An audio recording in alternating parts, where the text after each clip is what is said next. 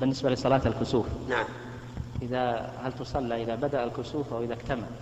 وبالنسبة من فاتته صلاة الكسوف هل يصليها منفردا؟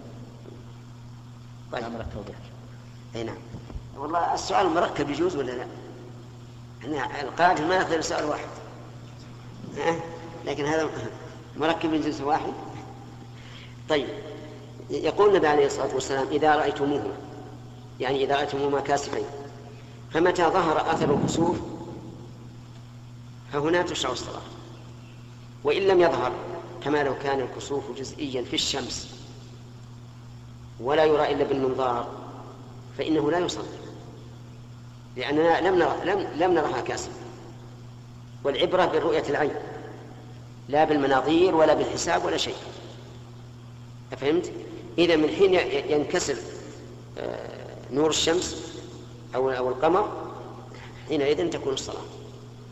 وأما من فاتت فإن إن انجلى الكسوف فإنه لا يصلي وإن بقي الكسوف يصلي كما يصليها الإمام.